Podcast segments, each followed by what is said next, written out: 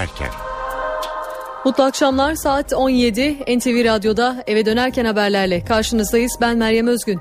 Türkiye ve dünyadan günün önemli gelişmeleriyle sizlerle birlikte olacağız. Öne çıkan haberlerin özetiyle başlıyoruz. Ankara'da Gezi Parkı eylemlerinde polis kurşunuyla hayatını kaybeden Ethem Sarısülük'le ilgili davada sanık polis Ahmet Şahbaz'ın tutuklanmasına karar verildi. Savcı Ahmet Şahbaz'ın olası kasıtla adam öldürmekten 25 yıl hapsini istedi. Karar 3 Eylül'de açıklanacak.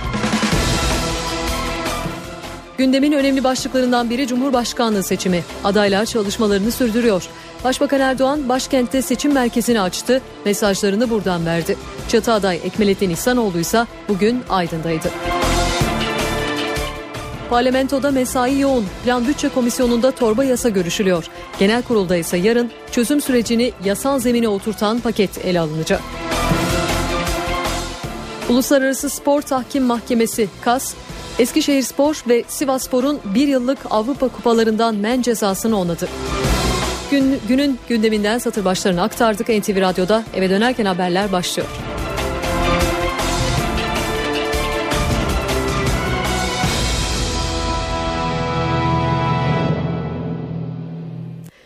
Gezi olaylarında öldürülen Ethem Sarısül'ü vuran polis memuru Ahmet Şahbaz hakkında bir yıl sonra tutuklama kararı çıktı. Savcılık Şahbaz'ın meşru müdafadan değil adam öldürmekten 25 yıla kadar hapis, hapisle cezalandırılmasını istedi. Karar 3 Eylül'de açıklanacak. Karar olaydan 13 ay sonra geldi. Ankara'daki Gezi Parkı olayları sırasında Ethem Sarısülü'yü vurarak ölümüne neden olan polis memuru Ahmet Şahbaz tutuklandı. Savcı davanın 6. duruşmasında esas hakkındaki mütalasını açıkladı. Polis memuru Şahbaz'ın meşru müdafadan değil olası kasla adam öldürmekten 25 yıla kadar hapisle cezalandırılmasını istedi. Şahbaz'ın tutuklanmasını da isteyen savcı suçun görev sırasında işlenmesi sebebiyle cezanın üçte bir oranında artırılmasını Şahbaz'ın meslekten men edilmesini talep etti. Mütalaa üzerine 6. Ağır Ceza Mahkemesi Şahbaz'ın tutuklanmasına karar verdi. Kararın ardından sanık polis Şahbaz duruşma salonundan çıkarıldı. Avukatları ve Sarı Sürük ailesinin Şahbaz'ın kaçırılmasına tepki göstermesi üzerine mahkeme salonu karıştı. Güvenliği sağlayan jandarmalarla sarı sürüğün avukatları arasında önce itişme ardından yumruklaşma yaşandı. Olaylar CHP'li milletvekilleri ve uluslararası gözlemcilerin de bulunduğu salonun dışında da sürdü. Jandarma job ve biber gazıyla avukatlara müdahale etti. Mahkeme heyeti Şahbaz hakkındaki kararını 3 Eylül tarihinde açıklayacak. Ethem Sarısülük 1 Haziran 2013'te Ankara'daki Gezi Park eylemlerine destek sırasında başından vuruldu. Komada geçirdiği iki haftanın ardından 14 Haziran'da hayatını kaybetti. Sarısülük'ü vuran polis memuru bu süreçte Şanlıurfa'ya tayin edildi. Sakarya'da özel bir eğitim merkezinde öğretmenlerin otistik gençleri darp etmesine ilişkin görüntüler yayınlandı. Olay işten çıkarılan öğretmenlerden birinin görüntüleri internete koymasıyla ortaya çıktı. Görüntülerde biri 20, diğeri 18 yaşındaki otistik gençlerin öğretmenleri tarafından darp edilmesi var. Darp edilen gençler Profesör Ayşegül Ömegül'ün çocukları. Görüntüleri internette şans eseri gören Ömegül aylık 6 bin lira ödediği kurum hakkında savcılığa şikayette bulundu. Tepkili anne çocuklarıyla İzmir'e taşındı. Medeni bir insan olarak görüntüde dayak atan öğretmenini aradım. Ne amaçla bu görüntünün çekildiğini sordum. Şakalaştığımız, şakalaştığını söyledi psikiyatrist arkadaşıma benim oğlum iri yapılı öğretmeninden döven öğretmeninden çok daha yapılı bir çocuk olduğu halde niye sesinin çıkmadığını niye tepki vermediğini sordum. Arkadaş şöyle dedi bu kronik bir olaydır daha önce defalarca dövülmüştür akut bir olay olsa yani birinci kere yapılan bir olay olsa çocuk mutlaka direnir mutlaka tepki gösterir. Van'da yollar karla kaplı olduğu için cenazesi babasının sırtında taşınan küçük Muharrem'le ilgili soruşturmada gelişme var. Bölge İdare Mahkemesi ölümde ihmali olduğu öne sürülen 4 kurum hakkında soruşturma izni verilmemesiyle ilgili valilik kararını onadı. 3 yaşındaki Muharrem Taş yollar kapalı olduğu için hastaneye ulaştırılamamış hayatını kaybetmişti. Taş ailesinin avukatı savcılığın 112 Acil Sağlık Hizmetleri İl Özel İdaresi, Karayolları 11. Bölge Müdürlüğü ve jandarmanın soruşturmaya dahil edilmesi isteğinin reddedilmesine itiraz etti. Van Bölge İdare Mahkemesi itirazı değerlendirdi. Mahkeme Van Valiliği'nin kararını kaldırdı. Küçük Muharrem'in ölümüyle ilgili Sağlık Bakanlığı'nın yürüttüğü soruşturma kapsamında bir teknisyenle bir hekime disiplin cezası verilmişti. NTV Radyo Cumhurbaşkanlığı seçimine 34 gün kala adaylar çalışmalarını sürdürüyor. Başbakan Erdoğan bugün başkentteki Cumhurbaşkanlığı seçim merkezini açtı. Açılışta konuşan başbakan muhalefeti eleştirdi. Cumhurbaşkanının siyaset dışı olması düşünülemez dedi. Erdoğan, Cuma günü açıklanacak vizyon belgesi hakkında da bilgi verdi. Siyasetin dışında Cumhurbaşkanı asla düşünmek mümkün değil. Cumhurbaşkanlığı makamı bir vitrin makamı değildir.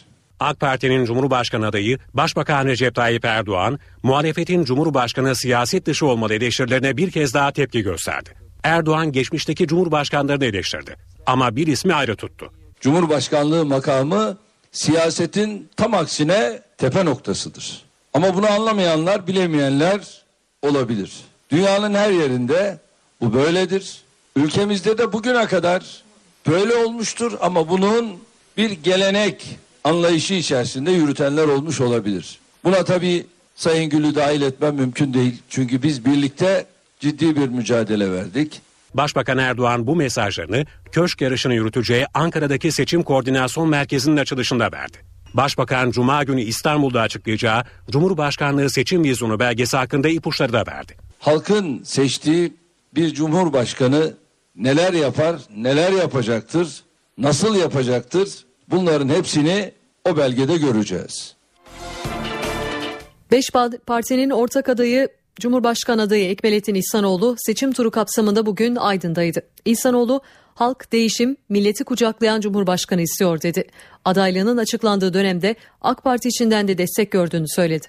Başta iki partiden daha sonra beş partiden gelen bu talep karşısında ben hayır diyemezdim. Bu vazifeden kaçamazdım. Ve benim yerimde kim olursa olsaydı kaçması kabul edilemezdi. Bu işte vatana ihanet buna derler. Başka bir şey demezler. Kılıçdaroğlu'yla Sayın Bahçeli ulaşmış oldukları mütabakatı ifade ettikleri zaman ve benim, benim adımı ilan ettikleri zaman baktım ki halk kes, halkın değişik kesimlerinden, farklı partilerden gelen talepler var. Hatta AK Parti'nin içerisinden, kurucularından beni teşvik edenler ve bu teklifi kabul etmemi isteyenler, isteyen dostlarım olmuştur.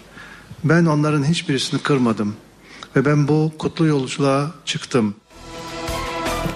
Yüksek Seçim Kurulu Cumhurbaşkanlığı seçiminde oy kullanacak seçmenleri bilgilendirmek amacıyla kamu spotu hazırladı. Tanıtım filminde ünlü sanatçılar ve sporcular vardı. Seçmen kaydınızı kontrol ettiniz mi? Peki nereden kontrol edeceğinizi biliyor musunuz? Cumhurbaşkanlığı seçimlerine sayılı günler kala Yüksek Seçim Kurulu kamu spotu hazırladı. Tanıtım filminde sanatçılar ve sporcular da rol aldı. Oy kullanmak vatandaşlık görevimiz ve anayasal hakkımızdır. Zerin Özer, Hadise, Işın Karaca, Emre Aydın gibi sanatçıların da yer aldığı videoda seçmenlere kayıtlarını kontrol etmeleri hatırlatılıyor. Yüksek Seçim Kurulu'nun resmi internet sitesi ysk.gov.tr'den hemen kontrol ediyoruz. Seçmen kaydınız yoksa veya güncel değilse bağlı olduğunuz nüfus müdürlüğüne adres beyanında bulunmanız yeterli oluyor. Unutmayalım seçmen kütükleri seçime katılan tüm siyasi partilerin denetimine açıktır. Kamu spotunda yurt dışında oy kullanacakların yapmaları gereken işlemler ve tarihler de anlatılıyor. Eve dönerken haberleri şimdi kısa bir ara veriyoruz.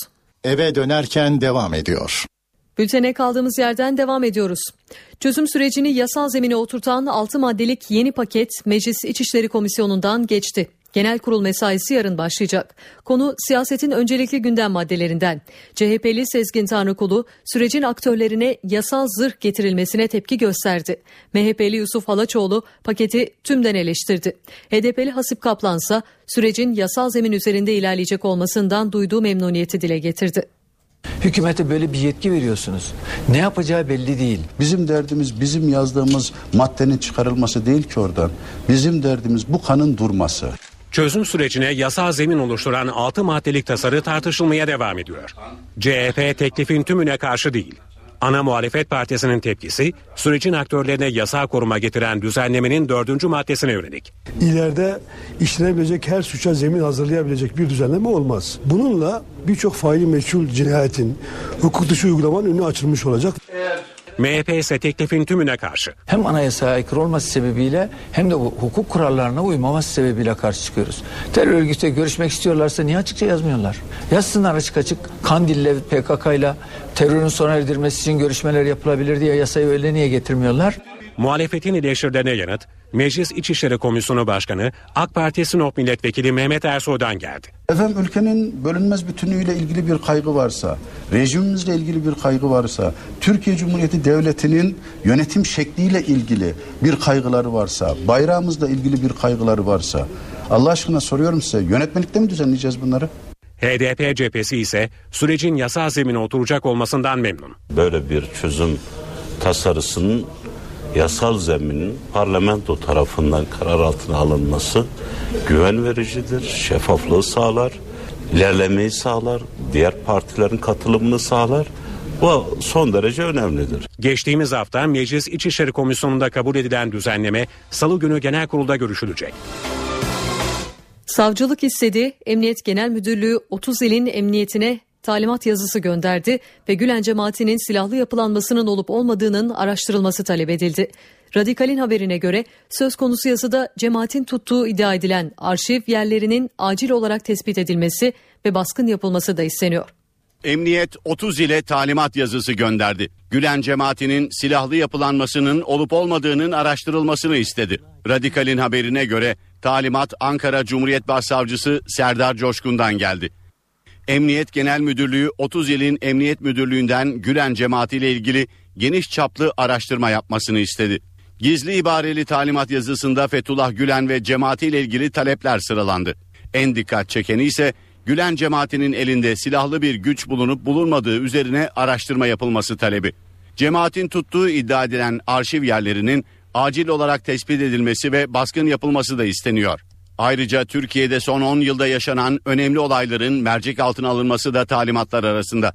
Rahip Santoro cinayeti, Hrant Dink'in öldürülmesi, Danıştay saldırısı, Zirve Kitabevi katliamı, Necip Hablemitoğlu ve Üzeyir Garih'in öldürülmesi gibi olaylarla cemaat arasında bağ olup olmadığı da araştırılacak. Soruşturma kapsamında eski emniyet müdürü Hanefi Avcı'nın da mağdur sıfatıyla ifadesinin alınması istendi. NTV Radyo Üniversite hayali kuran gençler için kritik bir sürece girildi. Yüksek öğretim için tercih maratonu bugün başladı. Adayların önünde tam 10 gün var. Üniversiteler için tercih maratonu başlıyor. Adaylar tercihlerini 7-17 Temmuz tarihleri arasında internet üzerinden yapacak. Başvuru merkezlerinden tercih işlemi yapılmayacak. ÖSYM'ye posta yoluyla gönderilen veya elden verilen tercih listeleri geçerli olmayacak. Adaylar 17 Temmuz tarihine kadar ÖSYM'nin internet adresinden tercihlerinde değişiklik yapabilecek. Ancak tercih iptali yapılmayacak. 2014 yüksek öğretime geçiş sınavında en az bir puan türünde 140 veya daha fazla puan alanlar ön lisans programları ilahiyat fakülteleriyle sınavsız geçişe başvuru yapabilecek. Lisans programlarını tercih edebilmek içinse lisans yerleştirme sınavı puan türünde 180 puan alma şartı aranacak. Üniversitelere kayıt işlemleri ise 1-5 Eylül tarihleri arasında yapılacak. Adana'da 24 yaşındaki bir genç kızın öğretmen olmak için girmek istediği kamu personeli seçme sınavı hayal kırıklığıyla son buldu. Genç kız saç rengi sınav giriş belgesindeki fotoğrafından farklı olunca sınava başkasının yerine girdiği şüphesiyle gözaltına alındı. Aile sınav gözetmenleri hakkında suç duyurusunda bulunacak. Ben şu an çok kötüyüm. Ya benim 13 yıllık emeğim boşa gitti. Ben dershanede kazanılacak gözle bakılan bir insandım. 24 yaşındaki Pelin Derya Çetinkaya 2 yıl önce Akdeniz Üniversitesi Matematik bölümünden mezun oldu.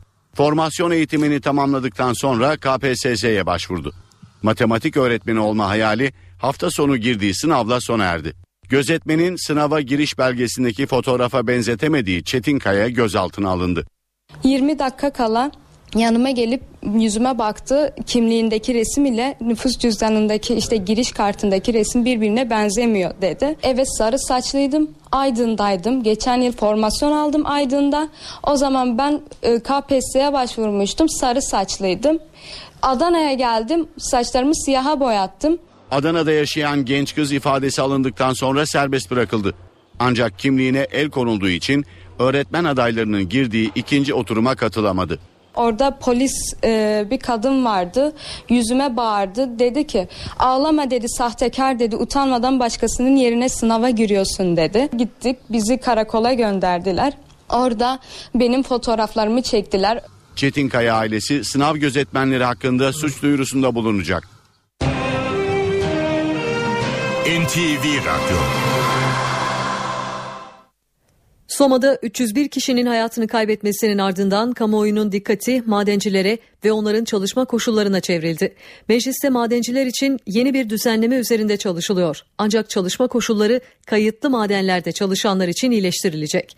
Türkiye'de bir de kaçak ocaklar sorunu var. Kayıtsız madenlerde koşullar oldukça ilkel. Madenciler zor şartlarda yaşam savaşı veriyor. Yüzlerinde kömür karası, gözlerinde çaresizlik. Cudi'nin eteklerindeki kaçak maden ocaklarında ölüm onların hep yanı başında. Şırnak'ta 62 kuyu ve 25 açık kömür işletmesi var. 3000 aşkın işçi her gün çoğu kaçak olan bu kuyulara ekmek parası için iniyor. 150 metre derinlikte çalışıyoruz. Bir günlük 40 en çok 50 TL. Günde en az 9 saat çalışan sigortasız işçiler çıkardıkları kömür kadar para alıyor. Biz e, gündüz oruçlu olduğumuz için çalışamıyoruz gündüz. Gece geliyoruz. Derme çatma madenlerdeki şartlarsa oldukça ilkel. İşçilerin yeryüzüyle tek bağlantıları 80 santimetre çapındaki delikler. İşçiler ve yiyecekleri uzunluğu 200 metreyi bulan hat sayesinde madene indiriliyor. Akşam aşağı bırakıyorum. Aynı 7-8 saat arası aynı taylar böyle yukarı çekiyorum. Kaçak madenlerin çoğunda elektrikler kesik. Aydınlatma seyyar lambalarla yapılıyor. Bizim telefon sistemimiz işte bu hortumla bizim telefon aletik yok. Sen bana verdi. 1970'li yıllarda kurulan bu ocaklarda bugüne kadar 200'den fazla işçi öldü. Ancak başka bir geçim kaynağı olmayan bölge halkı sık sık kapatılan ocakların sürekli açık kalmasını istiyor. Sakarya Büyükşehir Belediyesi Su ve Kanalizasyon İdaresi Tüpraş'ın Sapanca Gölü'nden izinsiz su çektiği iddiasıyla suç duyurusunda bulundu. Başvuru üzerine Körfez Cumhuriyet Başsavcılığı, Tüpraş Genel Müdürü Yavuz Erkut ve İzmit Rafineri Müdürü Mustafa İlter hakkında karşılıksız yara- yararlanma suçundan 3 yıla kadar hapis cezası istemiyle iddianame hazırlandı. Tüpraş'ın 7 yıldır Sapanca Gölü'nden kaçak su çektiği öne sürüldü. İddianamede ifadelerine yer verilen Erkut ve İlter suçlamaları kabul etmedi. Tüpraş'ın Sapanca Gölü'nden su alma hakkıyla özelleştirildiğini söyledi. İstanbul polisi minibüs denetimlerini sıklaştırdı. Yapılan kontrollerde en çok cep telefonuyla konuşan sürücülere ceza kesildi.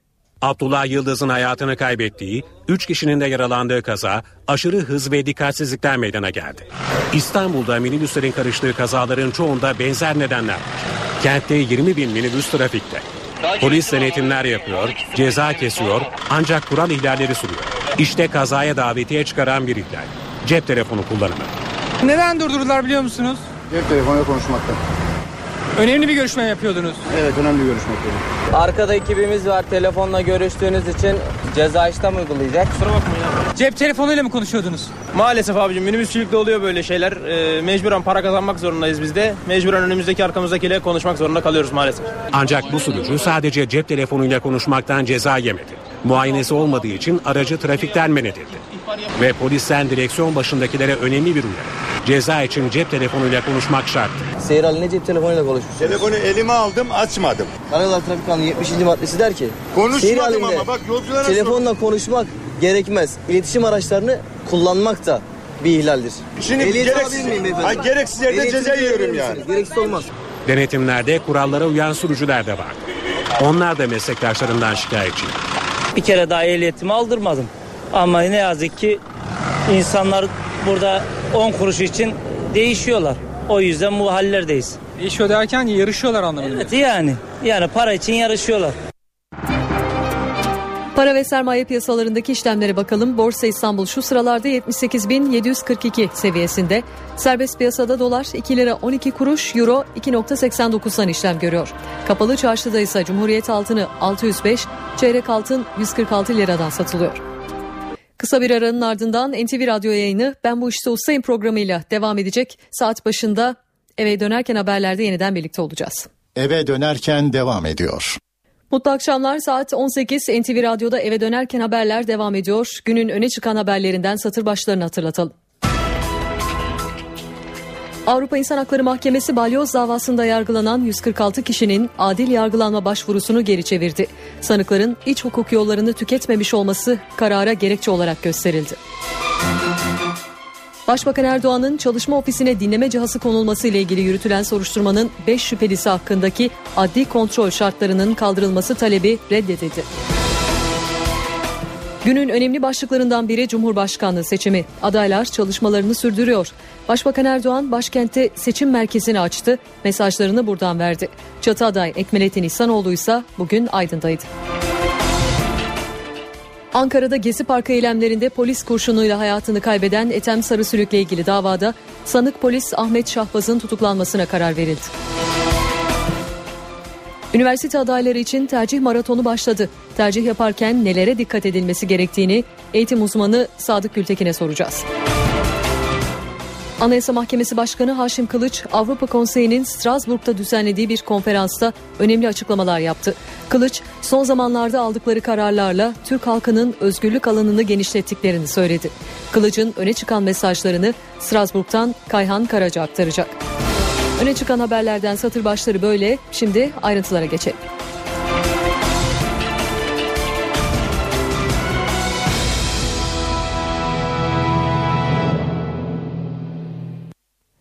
Cumhurbaşkanlığı seçimine 34 gün kala adaylar çalışmalarını sürdürüyor. Başbakan Erdoğan bugün başkentteki Cumhurbaşkanlığı seçim merkezini açtı. Açılışta konuşan başbakan muhalefeti eleştirdi. Cumhurbaşkanının siyaset dışı olması düşünülemez dedi. Erdoğan Cuma günü açıklanacak vizyon belgesi hakkında da bilgi verdi. Siyasetin dışında Cumhurbaşkanı asla düşünmek mümkün değil.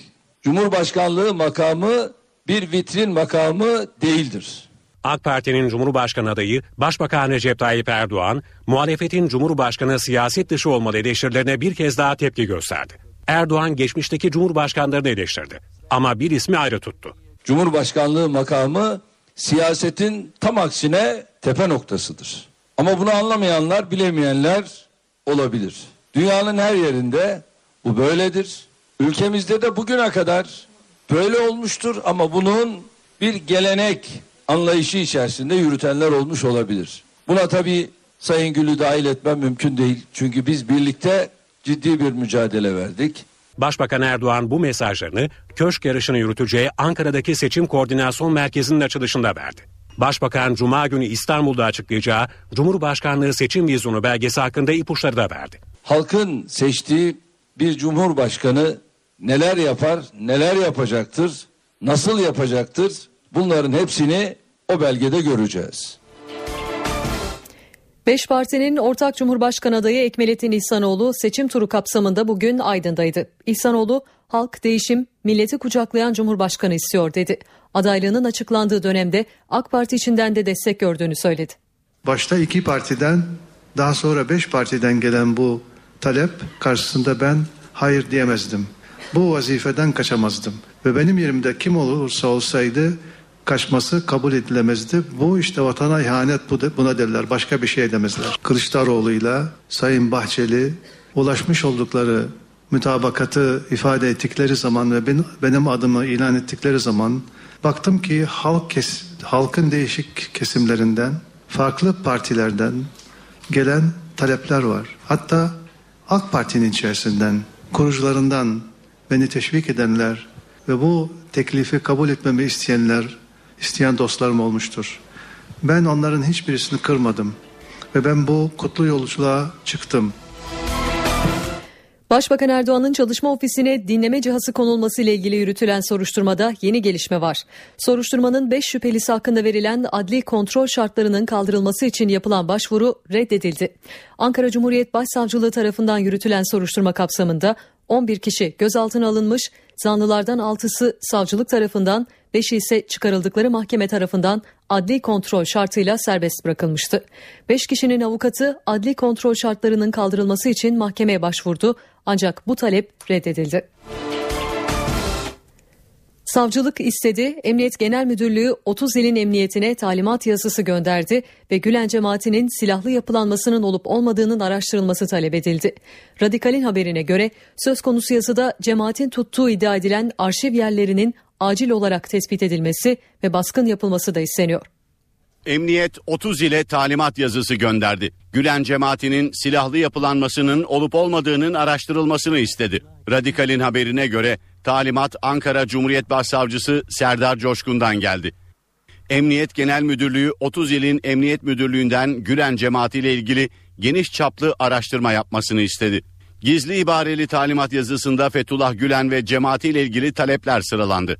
En dikkat çekeni ise Gülen cemaatinin elinde silahlı bir güç bulunup bulunmadığı üzerine araştırma yapılması talebi. Cemaatin tuttuğu iddia edilen arşiv yerlerinin acil olarak tespit edilmesi ve baskın yapılması da isteniyor. Ayrıca Türkiye'de son 10 yılda yaşanan önemli olayların mercek altına alınması da talimatlar arasında. Rahip Santoro cinayeti, Hrant Dink'in öldürülmesi, Danıştay saldırısı, Zirve Kitabevi katliamı, Necip Hablemitoğlu ve Üzeyir Garih'in öldürülmesi gibi olaylarla cemaat arasında bağ olup olmadığı da araştırılacak. Soruşturma kapsamında eski emniyet müdürü Hanefi Avcı'nın da mağdur sıfatıyla ifadesinin alınması istendi.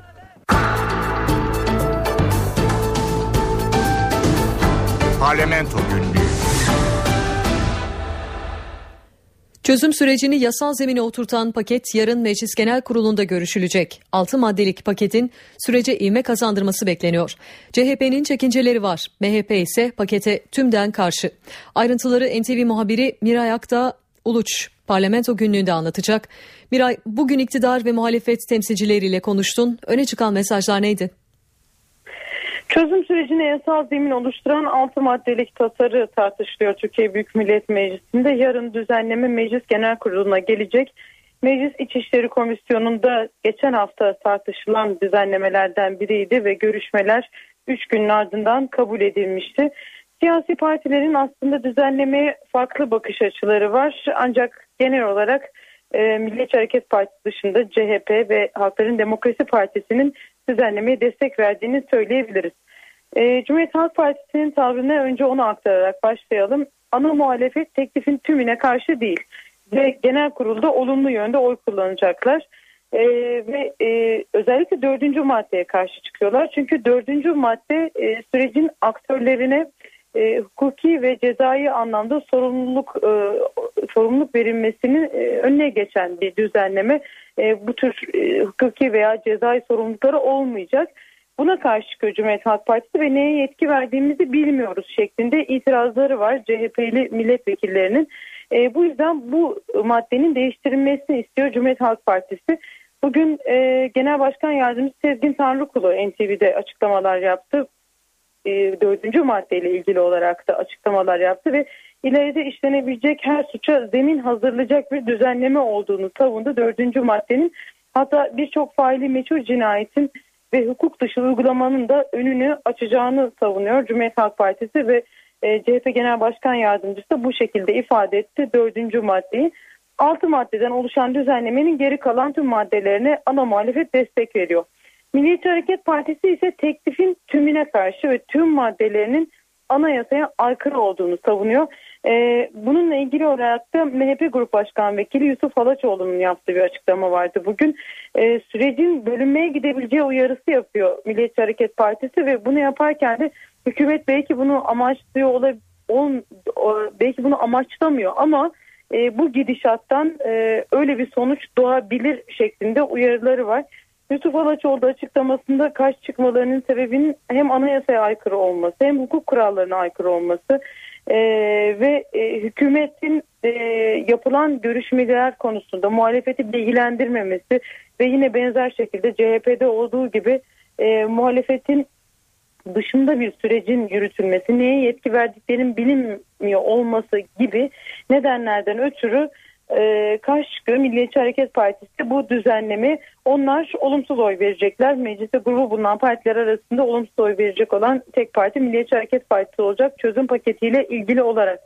Halkların Demokrasi Partisi ise sürecin yasal zemine oturacak olmasından memnun ve e, Ankara'da parlamentoda sorunun çözülüyor olması, ilk kez böyle bir düzenlemenin meclise geliyor olması, çözüm sürecinin e, hukuki bir zemine e, oturuyor olmasından da memnun. Vasip Kaplan yine bu konuyla ilgili e, bir açıklama yaptı ve böyle bir tasarının yasal zeminin e, burası olması şeffaf ilerlemesini sağlar dedi parlamentoyu kastederek ve bunun son derece güven verici olduğunu da ifade etti. Peki hükümet bu eleştiriler konusunda ne söylüyor? Hükümet öncelikle bu bölünme eleştirilerine karşı çıkıyor. Milliyetçi Hareket Partisi'nden gelen bir eleştiriydi bu. E, buna kesinlikle karşı çıkıyor ve sürecin tamamen kontrolleri altında olduğunu ifade ediyorlar. Daha önce yapılan açıklamalarda da bugün yapılan açıklamalarda da ortak noktanın şu olduğunu söyleyebiliriz. E, bundan sonraki süreçte düzenlemenin yarın Meclis Genel Kurulu'na gelmesi ve sonrasında geçmesinin ardından artık somut adımlar için çözüm sürecinde e, düğmeye basılacak. Ne anlama geliyor bu? Silahsızlanma için e, bir e, süreç yaşanacak. Belirli bir zaman dilimi verilecek. Ondan e, sonraki aşamada e, geri dönüşler sağlanacak. Rehabilitasyon süreci buna yönelik hukuki düzenlemeler yapılacak ve tüm bunların ardından da e, yaklaşık 3 yıla yayılacak bir süreçten söz ediliyor ve bununla ilgili olarak da bir bölünme kaygısının yersiz olduğunu düşünüyor hükümet yetkilileri ve bu sözlerle yanıt veriyorlar. Komisyonda tartışılırken İçişleri Komisyonu'nun başkanı Mehmet Ersoy da bu yönde açıklamaları muhalefete yapmıştı ve e, bugün de yine benzer açıklamalar yaptı. Ülkenin bölünmez bütünlüğüyle ilgili bir kaygı olmaması gerekiyor. Rejimle ilgili, Türkiye Cumhuriyeti Devleti'nin yönetim şekliyle ilgili bir kaygı olmaması gerekiyor. Biz de AK Parti hükümeti olarak zaten bu kaygılara yer vermeyecek düzenlemeler yapıyoruz dedi. Ee, genel olarak siyasi partilerin bakışı bu şekilde. Düzenleme yarın meclis genel kuruluna geliyor dedik. Ee, bu hafta içerisinde yasalaşmasını bekliyoruz ve ondan sonraki süreçte de yeni gelecek düzenlemelerin ardından meclis 25 Temmuz itibariyle tatile girecek. Miray, Meclis Plan Bütçe Komisyonu'nda da torba yasa mesaisi sürüyor. Muhalefetin tepkisi var. Bu tepkinin nedeni nedir?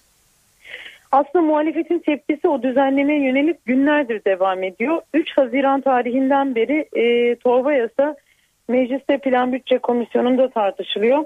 Hatta bugün e, muhalefetin o tepkiler arasında dikkat çeken ifadeler de vardı. 17 bakanla e, 17 bakan değiştirdik. İşte her gün bir başka bakan geliyor. E, sabahlara kadar çalışıyoruz. E, sürekli düzenleme yeni maddeler ekleniyor şeklinde itirazlar var muhalefet partilerinin.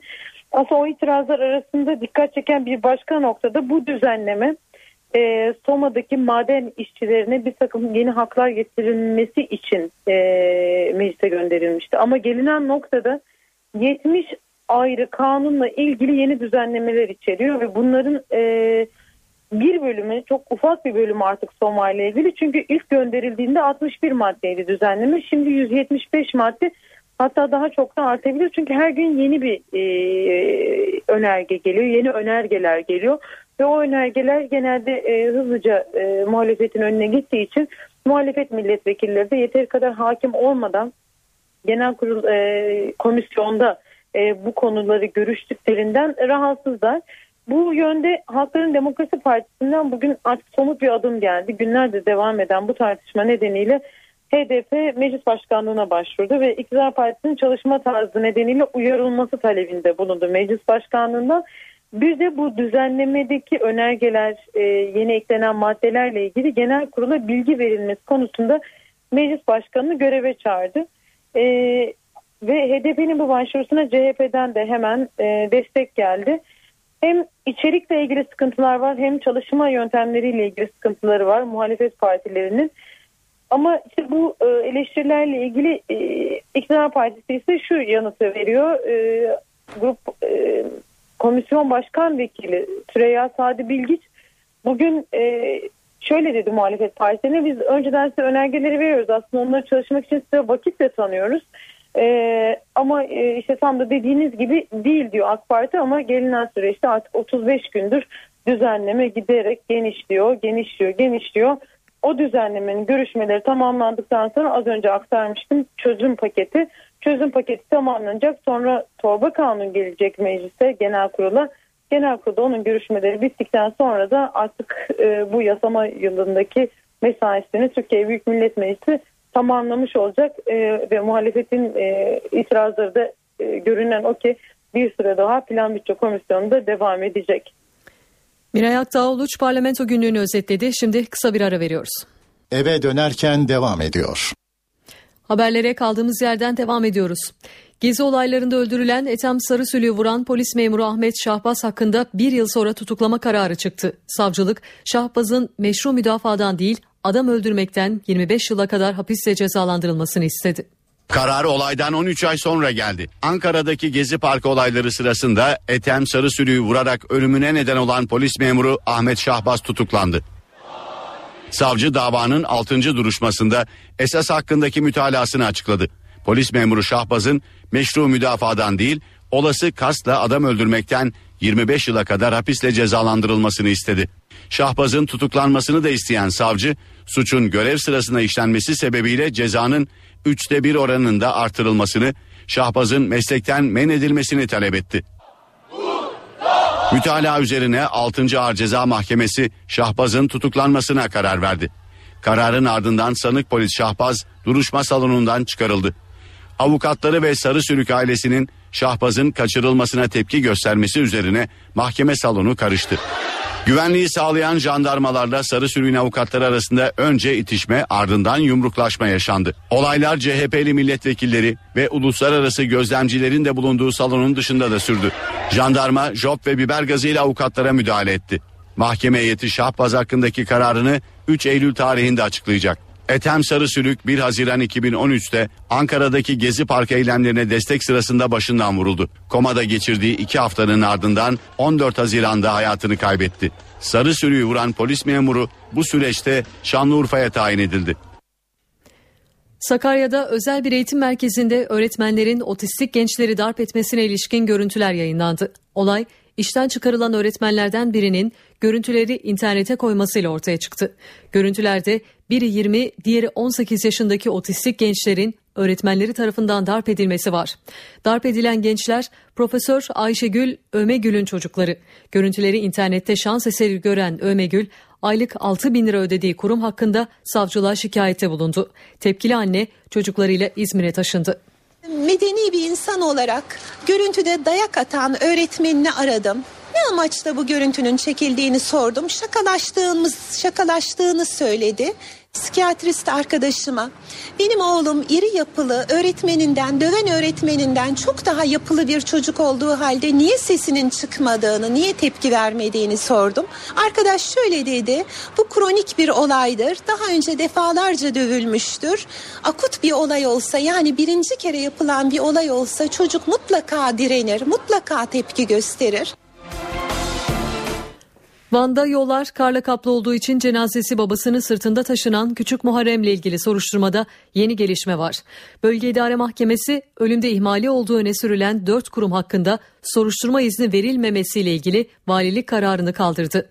3 yaşındaki Muharrem Taş yollar kapalı olduğu için hastaneye ulaştırılamamış hayatını kaybetmişti.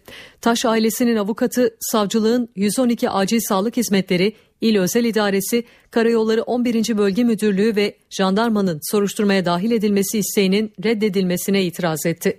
Van Bölge İdare Mahkemesi itirazı değerlendirdi. Mahkeme Van Valiliğinin kararını kaldırdı.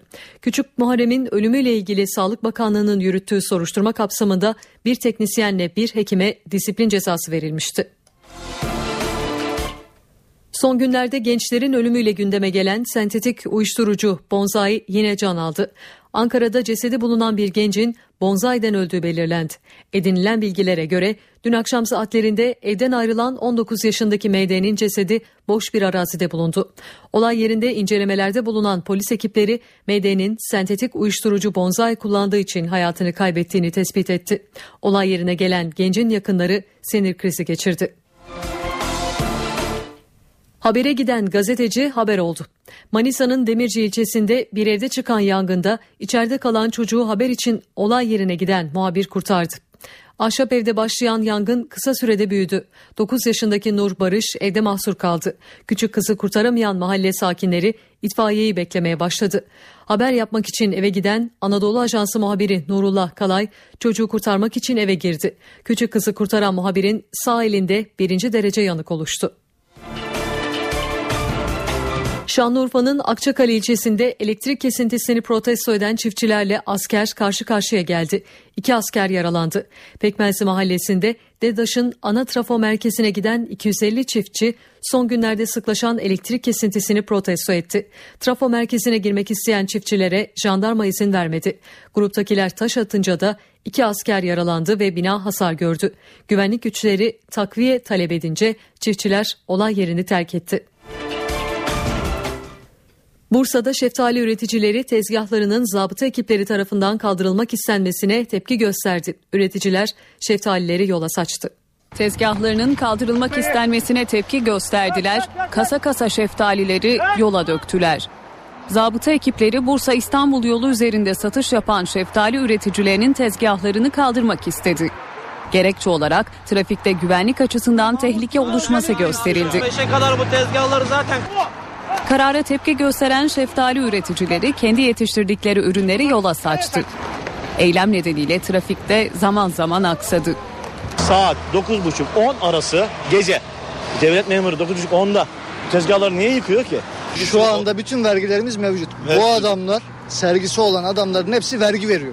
Malı sattığına dair KDV ödüyoruz yani biz. Kaçak iş yapmıyoruz, köçek iş yapmıyoruz. Kendi, malımızı satıyoruz yani. Yer istimlak bedellerini ödediklerini öne süren üreticiler sorunun çözülmesini istiyor. NTV Radyo Üniversite hayali kuran gençler için kritik bir sürece girildi. Yüksek öğretim için tercih maratonu bugün başladı. Adayların önünde tam 10 gün var. Üniversiteler için tercih maratonu başlıyor. Adaylar tercihlerini 7-17 Temmuz tarihleri arasında internet üzerinden yapacak.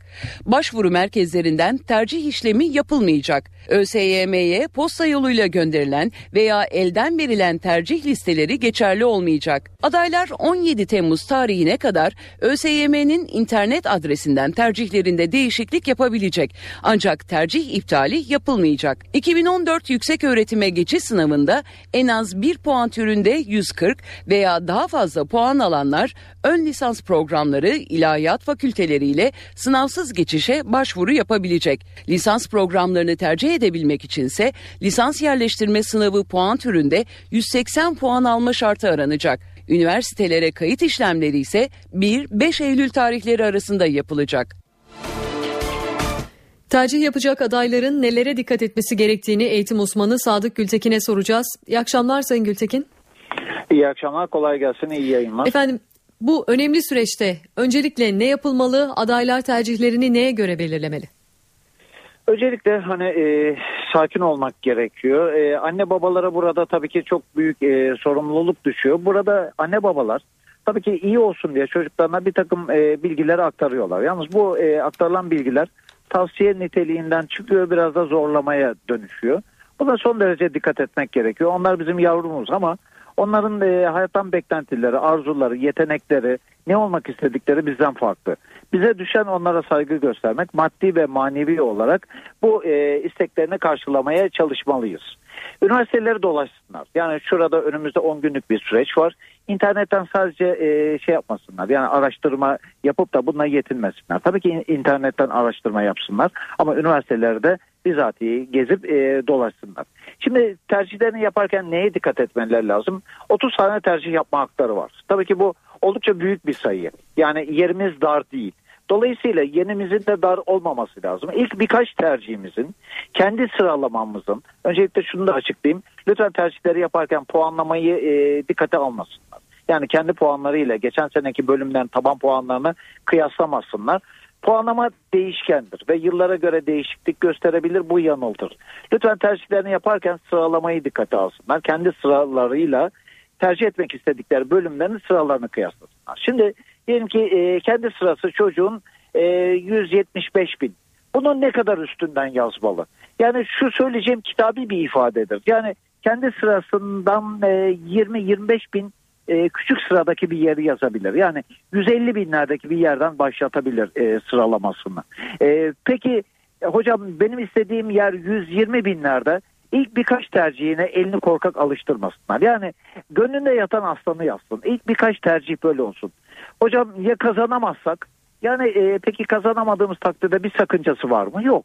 Aklımızda kalacağına tercih listesinde kalsın. Bu şekilde deriz. Peki hocam bunu yazdığımız zaman diğer makul olanlar aşağıya doğru kayıyor. Hani herhangi bir dezavantaj yaratır mı? Hayır yaratmaz. Kim kaçıncı sıraya yazarsa yazsın, kimin puanı diğerinden yüksekse o kazanır. Dolayısıyla burada kaybedecekleri herhangi bir şey yok. Lütfen ilk 2, 3, 4 tercihlerini gönüllerinde yatan, sırasına bakmadan kendisinden istediği kadar yukarıdaki bir sıra olsun. Yani büyük puanlı veyahut da sıralaması küçük yer olsun. Onu muhakkak yazsınlar. Gönüllerinde kalmasın. Ölü tercih dediğimiz olay şu. E, tercih listesinin herhangi iki sırasında bir alttaki tercih de bir üstteki tercih arasında makul ölçülerde fark olsun. Yani diyelim ki 8. sıradaki tercihi biz 100 binlik yeri yazdık. Onun altına kalkıp da biz 70 binlik bir yeri yazarsak işte ölü tercih dediğimiz olay budur. Yani 100 bine giremeyen 70 binlik yere giremez. 70 bin 100 binin üstüne çıksın istemiyorsak onun altına yazmanın bir anlamı yok. İşte ölü tercih dediğimiz bu. Ama iki tercih arasında makul oranda gerçekleşebilir oranda bir sıralama varsa bunu dikkate almasınlar. Yani 100 binin altında 90 binlik bir yeri yazmak ölü tercih değildir. Bu makul ölçüler içerisinde kabul edilebilir ve bunlar birbirini yakalayabilirler. Ee, diğer bir e, önemli husus da şu. E, hocam az tercih yapmak dezavantaj mıdır? Şimdi az veya çok tercih yapmak kişinin isteğine bağlı bir olaydır. Ama 30 tane tercih yapmak tabii ki bir avantajdır. Ama e, pişman olacakları, okumayacakları, sonradan gitmeyecekleri ve seneye girdiklerinde de puan kaybedecekleri yeri yazmasınlar. Kaç puana kadar düşmemiz lazım? Ya da sıralamanın en son kaçıncı sıraya kadar inmesi lazım? İlk baştan kitabi bir şey söyleyeceğim. Diyelim ki sıramız 150 bin. Kendimizi garantiye al- alabilecek sıralama 180, 185 bin. Bunlar bizi garantiye e, aldıran sıralamalardır. Ama önemli olan kendimizi garantiye almak mı? Önemli olan e, okuyabileceğimiz bir yer mi? Ha, kimisi der ki hocam ben e, en fazla 160 bine kadar iniyorum. Çünkü en son okuyabileceğim yer bu. Var ama ben yazmak istemiyorum. Sonradan pişman olurum diyeceği yerleri lütfen yazmasınlar. Hani önce yazıp da sonra düşünürüz. Bu yapabilecekleri en büyük hata olur. Çünkü bunun geri dönüşü yoktur. E, yeni açılan bölümleri neye göre sıralayacağız? Burada mukayese yapacaklar. Yani diyelim ki bir ürün piyasaya çıkarken onun muadilleri vardır. Onun kalitesinde, onun benzerinde olanlar vardır.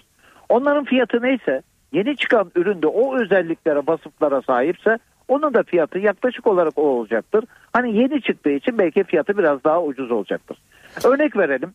Yıldız Teknik Üniversitesi'nde diyelim ki X bölümü yeni açılıyor. Peki bu bölüm Marmara Üniversitesi'nde var mı? Var. Demek ki Yıldız Teknik Üniversitesi Marmara Üniversitesi'nin puanına yakın bir puan veya sıralamayla çıkacaktır. Belki ondan biraz düşük olacaktır ama muadili o olduğu için kıyaslamayı bu şekilde yapacağız. E, benim adaylara söyleyeceklerim e, bunlar. E, yine akıllarına takılan şeyler olursa bizim kanaldaki e, doğru tercih ntv.com e, tr adresine sorularını göndersinler. Biz onlara yardımcı olmaya çalışırız. Bunu hatırlatmanız iyi oldu ama son olarak bir soru daha sormak istiyorum Sayın Tabii ki. Gültekin. Sizin e, tercih yapacak öğrencilere e, uyarılarınız var mı? Gelecek vadeden meslekler konusunda onların Şimdi dikkatini hangi yönde çekmek istersiniz? Ee, genellikle tercihleri yaparken doğal olarak hani bunları yaş tecrübeleri daha küçük olduğu için aslında samimiyetle ve öğrenmek için soruyorlar. Ee, diyorlar ki hani en iyi meslek hangisi? Ahlaklı ve onurlu olduktan sonra her meslek iyidir. Ama meslekte iyi olmak o çok farklı bir olaydır. Benim onlara e, bir e, akademisyen olarak tavsiyem bu kadar da tecrübemiz var. Gönüllerinde ne yatıyorsa hani anne baba belki şunu diyebilir. Hocam burası Türkiye. Çocuk bunu seçti ama ya aç kalırsa? İnsan e, sevmek nedir? Sevmek her şeyine katlanmak demektir. Zorluğuna katlanacaksın, sıkıntısına katlanacaksın, bazen yokluğuna katlanacaksın, sabredeceksin, azmedeceksin. Ondan sonra da sen bunu elde edeceksin. Sevmek budur. Sevmek sadece çıkarı çıkarı sevmek midir? O sevmek değildir, o çıkardır. Çıkar bittiği zaman sevgi de biter, e, her şey biter. Dolayısıyla öncelikle e, geleceğin mesleğinden ziyade adayların kendi sevdikleri meslek neyse eğer böyle bir düşünceleri varsa öncelikle bunu e, seçmeleri lazım. Ama şu kavram da yanlış bir kavram değildir. Hani geleceğin mesleği var mıdır? Tabii ki vardır. E, bunların içerisinde enerjiyi biz e, ön sıraya koyabiliriz. Yani enerji sistemleri e, dünyada azalan şeyler su ve enerji. Dolayısıyla hani bu alanlarda e, gelecek vadeden bölümlerin başında geliyor. İktisat işletme hiçbir zaman devrini kapatmaz. Genellikle hani adaylarda şu e, endişe vardır. Hocam iktisatta işletme hani e, artık doldu. E, işletmesiz e, ve iktisatsız ve işte e, sanayisiz bir e, şey olamaz. Dolayısıyla iktisat ve işletme her zaman geçerli olacaktır. Adayların bunu seçmesinde eğer düşünüyorlarsa herhangi bir sakınca yok ama iktisatın ve işletmenin içerisinde adaylarımızın uluslararası ticaret, uluslararası finans, uluslararası lojistik Evet. bunlar da hani düşünülmesi gereken, seçilmesi gereken gelecek vadeden e, bölümlerin başındadır. Şimdi e, yabancı dillerine son derece dikkat etsinler. Hangi bölüm olursa olsun bu artık kaçınılmaz ve şart. Çünkü e, sadece kendi ülkelerinde, kendi mahalle ligimizde oynamayacaklar. Bunlar uluslararası dallar. Dolayısıyla artık çalışma arkadaşları global evlilikler oluyor şirketlerde. Bunlara hazırlıklı olmaları gerekiyor. Sadece ders çalışmasınlar. Hangi branşı kazanırlarsa kazansınlar.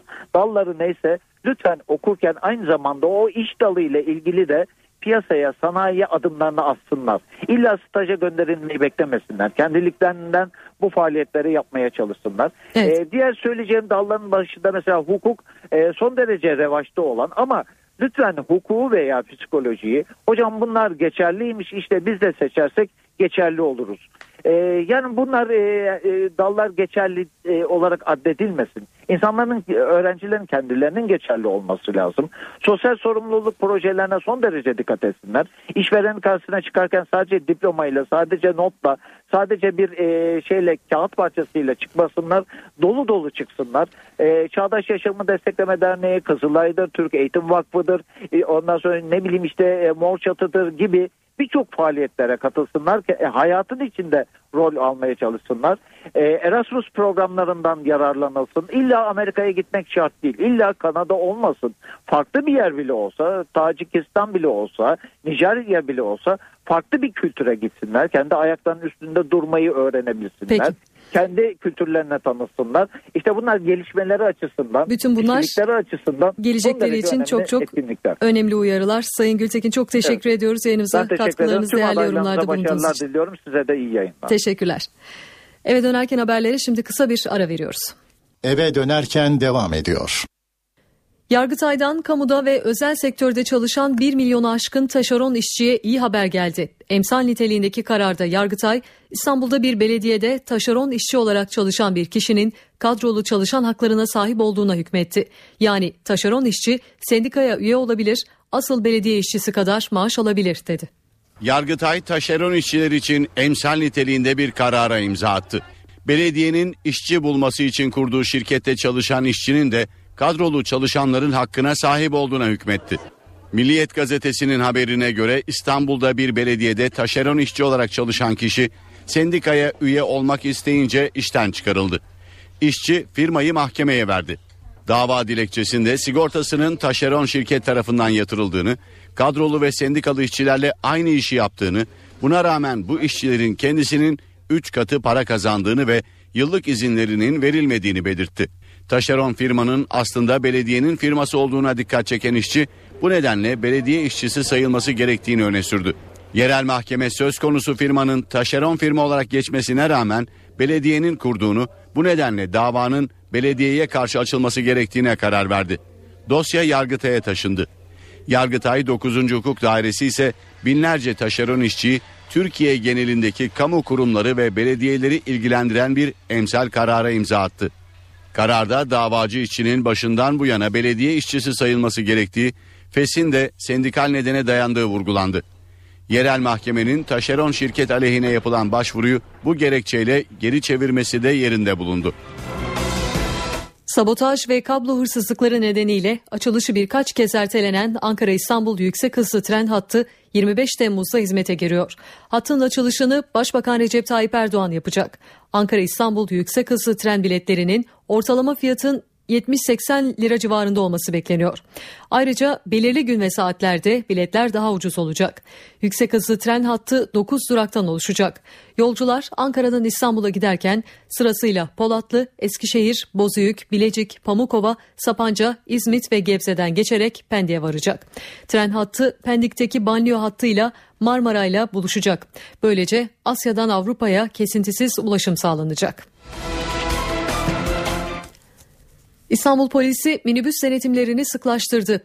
Yapılan kontrollerde en çok cep telefonuyla konuşan sürücülere ceza kesildi.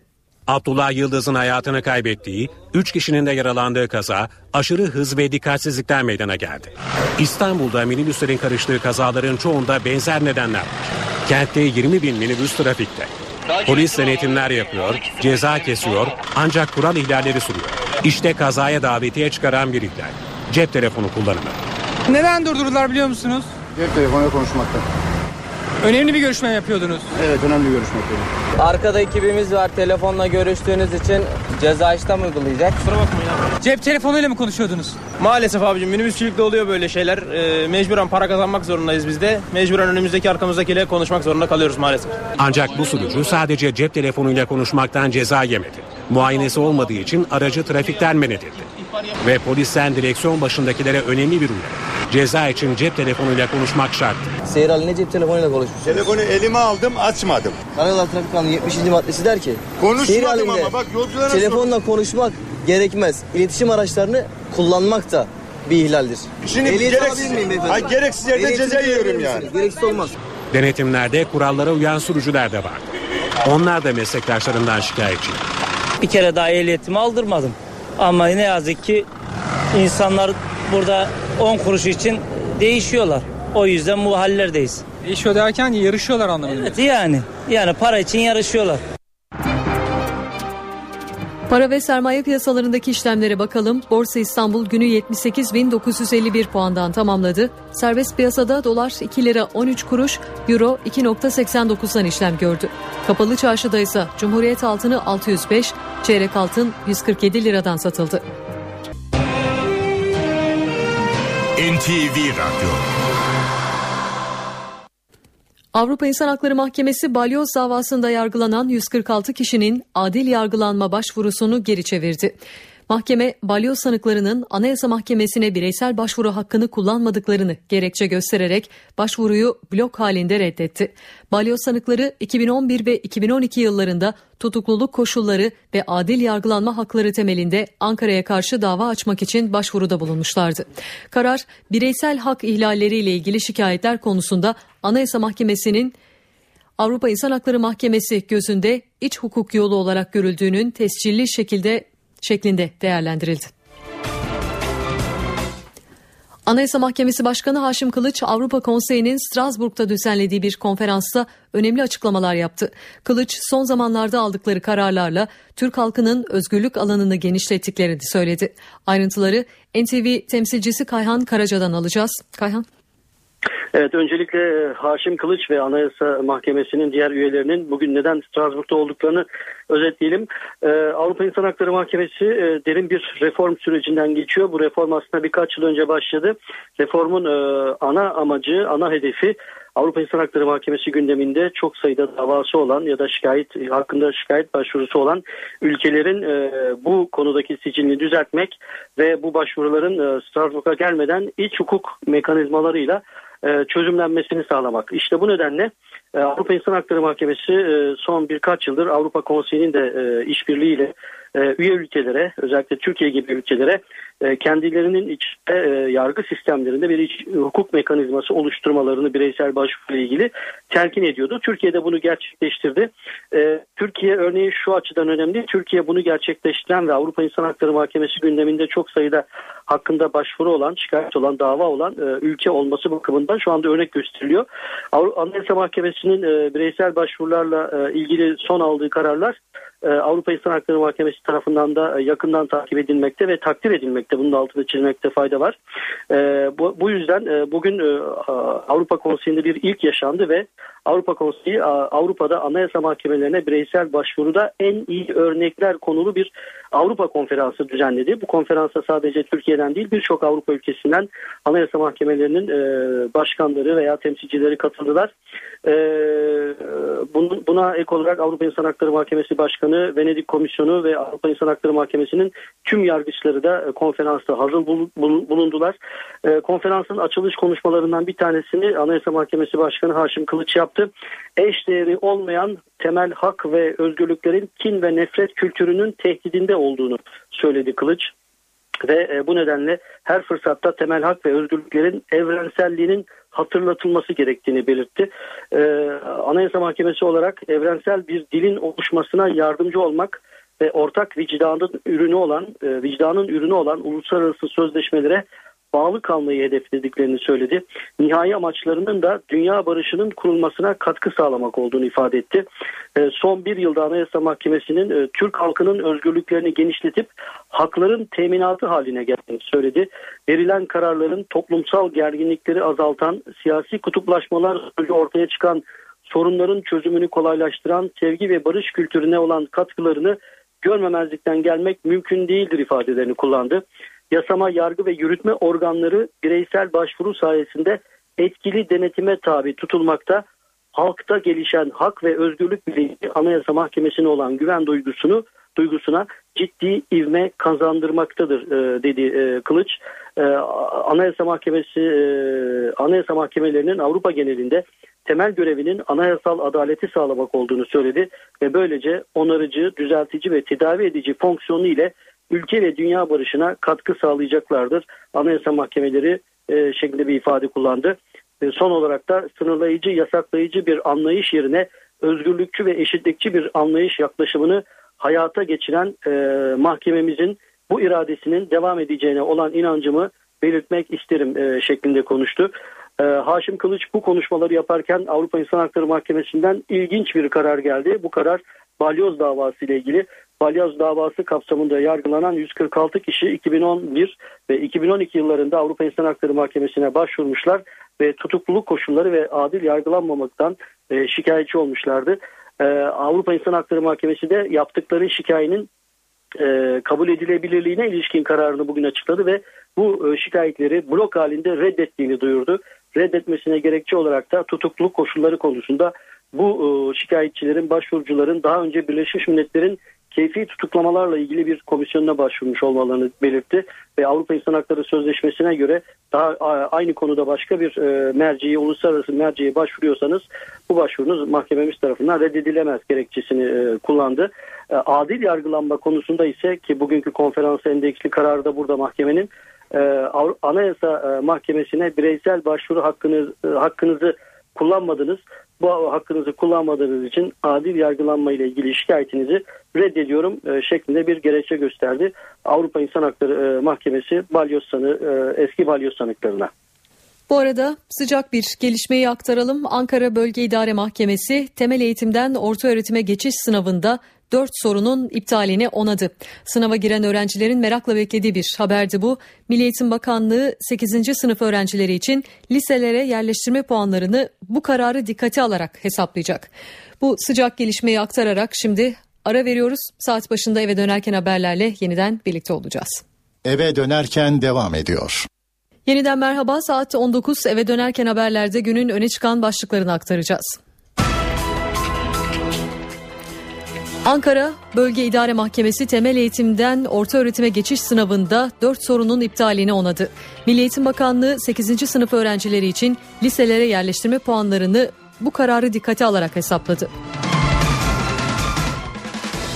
Başbakan Erdoğan'ın çalışma ofisine dinleme cihazı konulması ile ilgili yürütülen soruşturmanın 5 şüphelisi hakkındaki adli kontrol şartlarının kaldırılması talebi reddedildi. Avrupa İnsan Hakları Mahkemesi balyoz davasında yargılanan 146 kişinin adil yargılanma başvurusunu geri çevirdi. Sanıkların iç hukuk yollarını tüketmemiş olması karara gerekçe olarak gösterildi. Ankara'da Gezi Parkı eylemlerinde polis kurşunuyla hayatını kaybeden Ethem Sarı Sürekli ilgili davada sanık polis Ahmet Şahbaz'ın tutuklanmasına karar verildi. Anayasa Mahkemesi Başkanı Haşim Kılıç Avrupa Konseyi'nin Strasbourg'da düzenlediği bir konferansta önemli açıklamalar yaptı. Kılıç son zamanlarda aldıkları kararlarla Türk halkının özgürlük alanını genişlettiklerini söyledi. Uluslararası Spor Tahkim Mahkemesi KAS, Eskişehir Spor ve Sivas Spor'un bir yıllık Avrupa Kupalarından men cezasını onadı.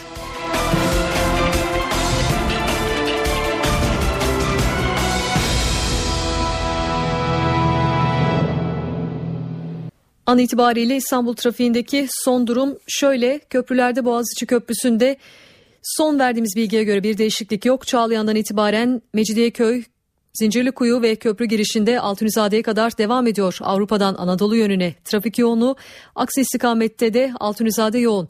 Fatih Sultan Mehmet Köprüsü'nde yine köprü öncesinde Avrupa Anadolu istikametinde Hassal Seyrantepe, Maslak, Fatih Sultan Mehmet Köprüsü gişeler ve Kavacık boyunca trafik çok yoğun. Aksi istikamette de Kavacık yoğun sonrasında akıcı. Eve dönerken haberleri noktalıyoruz. NTV Radyo'da kısa bir aranın ardından Çift Forvet programı başlayacak. Mutlu akşamlar diliyorum. NTV Radyo, Türkiye'nin haber radyosu.